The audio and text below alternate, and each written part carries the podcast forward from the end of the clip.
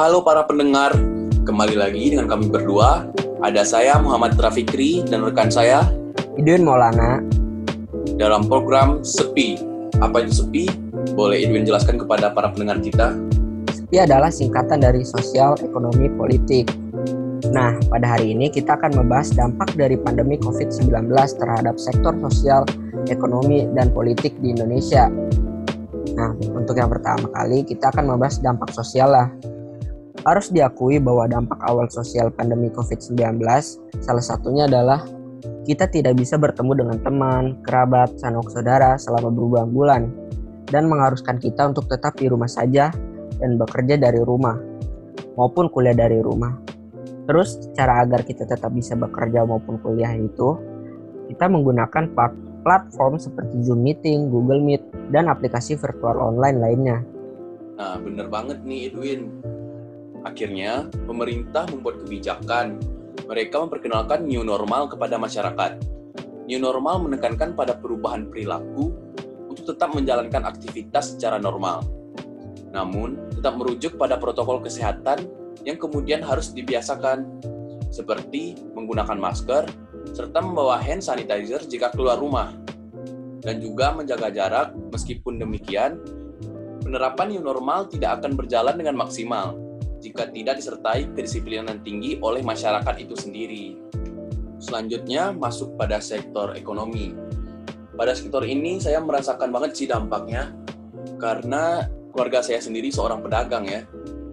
Uh, apalagi gara-gara pandemi ini sendiri pasar jadi nggak bisa buka jadi dari dua minggu lebih ya kira-kira dua minggu lebih itu tentu sangat mengganggu untuk perekonomian masyarakat itu sendiri apalagi rata-rata masyarakat Indonesia itu banyak yang pedagang itu pasti akan terganggu ya dengan adanya pandemi ini yang tokonya itu nggak bisa dibuka karena keganggu akan karantina.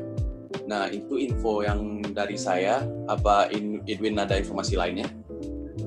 Ada dari saya informasinya itu ada dari catatan Kementerian Ketenaga Kerjaan adalah pandemi COVID-19 ini telah berdampak bagi 17 juta pekerja di Indonesia baik pekerja formal maupun informal. Kondisi ini juga berbanding lurus dengan adanya kenaikan angka kemiskinan dari 20,4 24,79 juta jiwa pada September 2019 menjadi 26,42 juta jiwa pada Maret 2020. Ini adalah kenaikan angka kemiskinan untuk pertama kalinya sejak tahun 2017.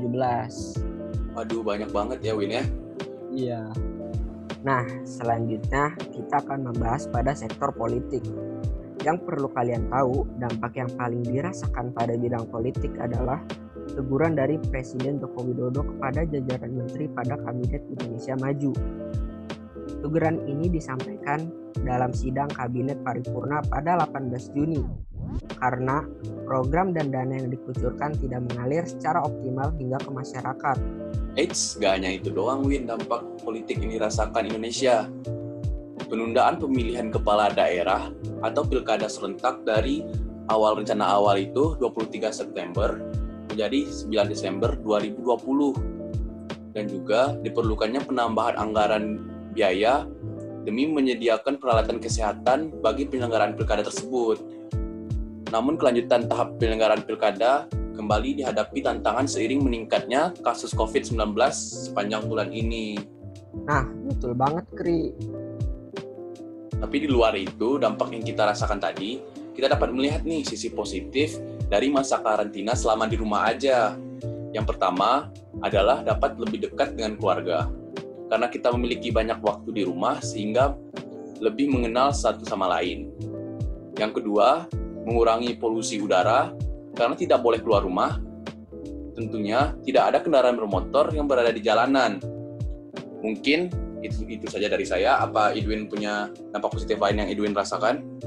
Ada sih dampak yang saya rasakan salah satunya yaitu pengeluaran berkurang. Walau ada banyak orang yang kehilangan pekerjaan atau pendapatan yo, yang berkurang, tapi di karantina di rumah bisa mengurangi pengeluaran untuk biaya transport, makan di luar atau biaya pembelian tiket mudik. Terus selanjutnya ada rumah lebih bersih. Kita juga bisa lebih perhatian kepada barang-barang kita, yaitu salah satunya seperti buku, meja, dan lain-lain. Yang terakhir mungkin kita bisa nggak boros belanja karena kita nggak bisa pergi ke mall dan pusat pem pem perbelanjaan lainnya.